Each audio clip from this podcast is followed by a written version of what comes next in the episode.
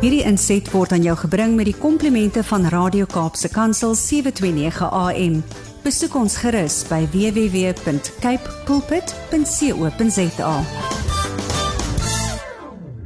Luisteraars, ek is Marita Martins en dit is heerlik om saam met u te mag besin oor die woord van die Here en ook oor die tyd waarin ons leef.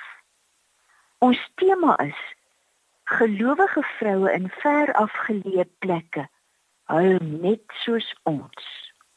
Ek sê dit weer. Gelowige vroue in ver afgeleë plekke huil net soos ons. Ons lees eers 'n stukkie uit die woord van die Here. Lukas 12 vers 4 tot 5. Aan julle my vriende sê ek en dis Jesus wat aan die woord is. Moenie bang wees vir die wat die liggaam doodmaak en daarna niks verder kan doen nie. Ek sê vir julle, vir wie julle bang moet wees, vir hom wat mag het om na die dood in die hel te werk. Ja, ek sê vir julle, hom moet julle vrees. Die reiskipsvraghouer huisies agter die hoë heining op 'n heuwel bo die Oranje rivier het nie juis vir ons as die rivier oorgelyk waarby ons volgens die naambord sou uitkom as ons met die konkelpad diep tussen die berge in sou bly ry nie. Die sekere kampverwerkers wat by die hidroelektriese skema hier oorkant werk, het ons vir mekaar gesê. Oorkant die Oranje rivier was was Namibië. Die hang van die berg agter ons aan die republiekkant van die rivier was 'n veewagterskuiling. 'n Staaning van riet en plank, 'n veekraal en natuurlik die groot 20 liter waterkanne wat mens by al die baie vee veewagterskuilings in die bergwêreld om Bella sien. Daar was geen ander mens in sig nie. Op die bergpas tot by die skepsvraghouerhuisies het ons net een keer so ver moontlik van die pad afgedraai sodat 'n bakkie met ongeveer 12 stofval kinders agterop en voor langs die bestuurder by ons kon verbyskuur. Die kinders het van die bak afgeskree. Sweets, sweets en die handjies oopgehou. Terwyl ons nog staan en wonder waar ons ons nou werklik bevind, kom 'n rooi motortjie teen die helling opgekruie. En daar ontmoet ons vir Louise Hugo. Die vrou wie se droom dit is om gaste daar in die rivieroord wat sy heropbou te ontvang. Om begeleide ekspedisies met hulle na die sandtekeninge in die berge te onderneem. Om hulle die vreugde van barbers met koringkrieke vang, meneer daai visse wat jy vang is so groot soos 'n mens om net daardie vreugde te leer smaak. Want mens kan in die rivier babers met koringkrieke vang en babers is so groot soos 'n mens. In die veewagterskuiling teen die hang van die berg woon haar weduwee moeder, 76 jaar oud. Sy wil daar bly. Saam met haar oorlede man het sy dekades lank vee van daarbo af opgepas. 24 uur per dag kan sy nou 'n oogie oor haar kind daaronder by die ouer vraghuisies hou.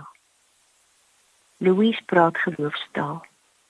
Daardie geloofstaal het sy geleer aan die voete van die ou moeder wat daar in die veewagter se hut woon om oor 'n boktrop en dalk ook 'n paar skapies te waak.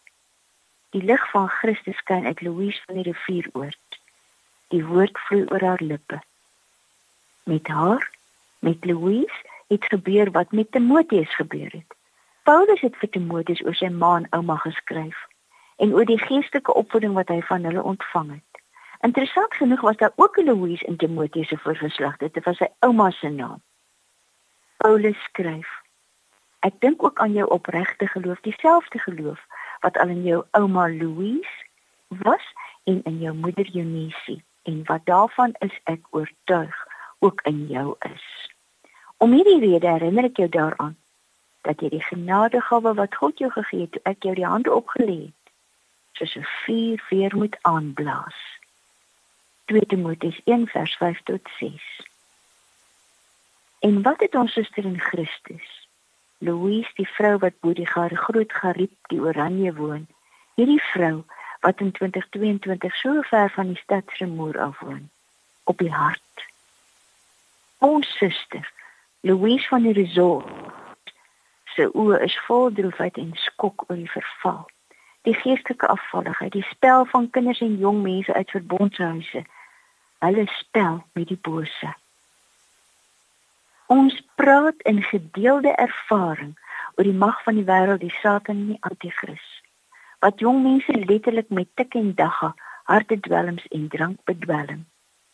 Sy ken en beleef die mag van die wêreld, die Satan en die Anti-Kris wat ook die kinders van ver afgeleë plekke soos pelle en onseepkaas net soos ons eie bevoorregte kinders verblind en bedwelm fisies sowel as spiritueel. Ons dink covid is erg. Ons vrees elke nuwe vlaag. Ons laat ons vaksineer ons doen dalk moeite om ons kragdose te gaan ontvang. Ons wil nie aan covid doodgaan nie. En dan ontmoet jy vir Louise jy ontmoet vir Tessa Raman van Pella jy ontmoet vir Suster Johanna Paula en die twee ander susters in wit nonne van die mission by Bella. Jy ontmoet vir Romana van Rimfas maak. Wanneer jy van die geestelike dood van honderde kinders in daardie gebied hoor, weet jy die virus, die COVID virus is 'n vloei wat verbygaan. Die dodelike virus is die besmetting van die Satan en sy trawante. Ons bespiegel oor same 'n sweringsteorie rakende die virus, die vaksin en wat ook al. Los daai bespiegelinge Die ware sameswering is teen die lig van die evangelie, teen die koningsheerskappy van Christus, teen verbondshuise en verbondskinders. Bid vir ons, het Romano gevra. Bid vir ons, het die susters van die missie gevra.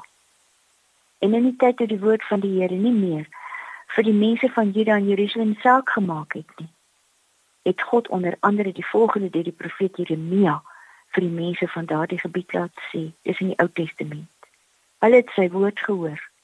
Hulle moes daarop reageer, die mense van die Ou Testament. Dit is weer so. Ons weet dit. Die beeldspraak aangaande die werklikheid van daardie tyd is die beeldspraak van ons tyd. Laat ons verby die virusse van die liggaam kyk. Laat ons die dodelike een sien. Die produk van die sameswering van Satan en sy trawante teen die nageslag van God se mense. Jeremia 6 vers 7. Soos 'n put sy water vashou, so hou die stad sy boosheid vas. Alwel wat ek daarvan hoor is geweld en vernietiging. Al wat ek sien, dis die Here wat praat. 'n Siekte en wonde.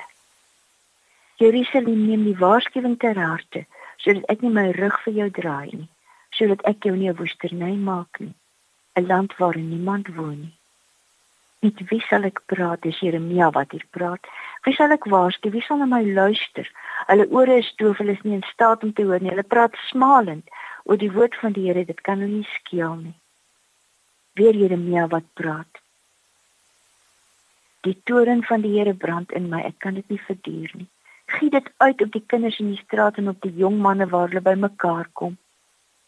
Laat mans en vrouens daardeur verteer word selfs mense wat grys wat baie oud is. Almal klein en groot wil hulle self net verryk. Gaan na Paradise Club in Bella reg oor die kerkhof. Dis 'n plek van verryking. Selfs profete en priesters is uit op bedrog.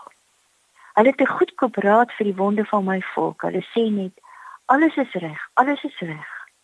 Maar niks is reg nie wanneer hulle aan die kaak gestel word oor die gruwelike dinge wat hulle gedoen het, skaam hulle nie eens daaroor nie.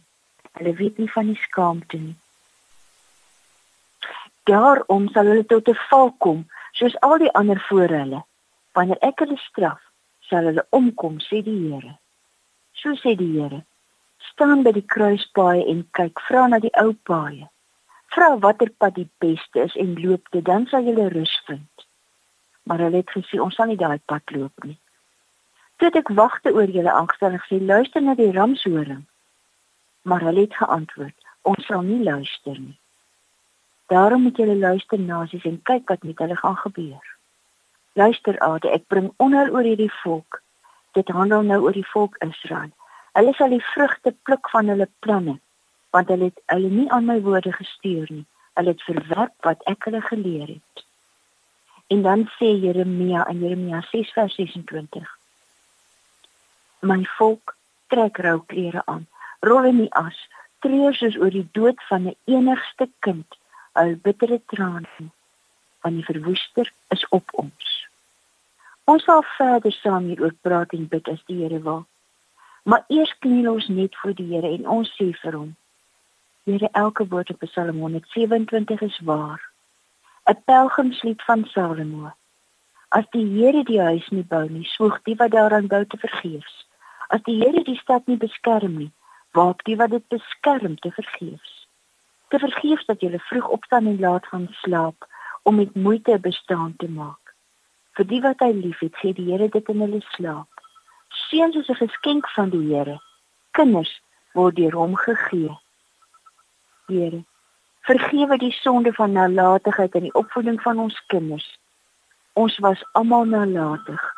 Ons was almal te besig of te dwaas of selfs so ver van U af dat die huis nou op sand gebou is.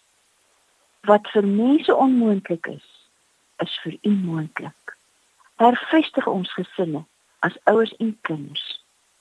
Plaas ons saam weer op vaste rots en bou ons huis, Here. Bou ons huis en herbou die vervalle huise van U mense.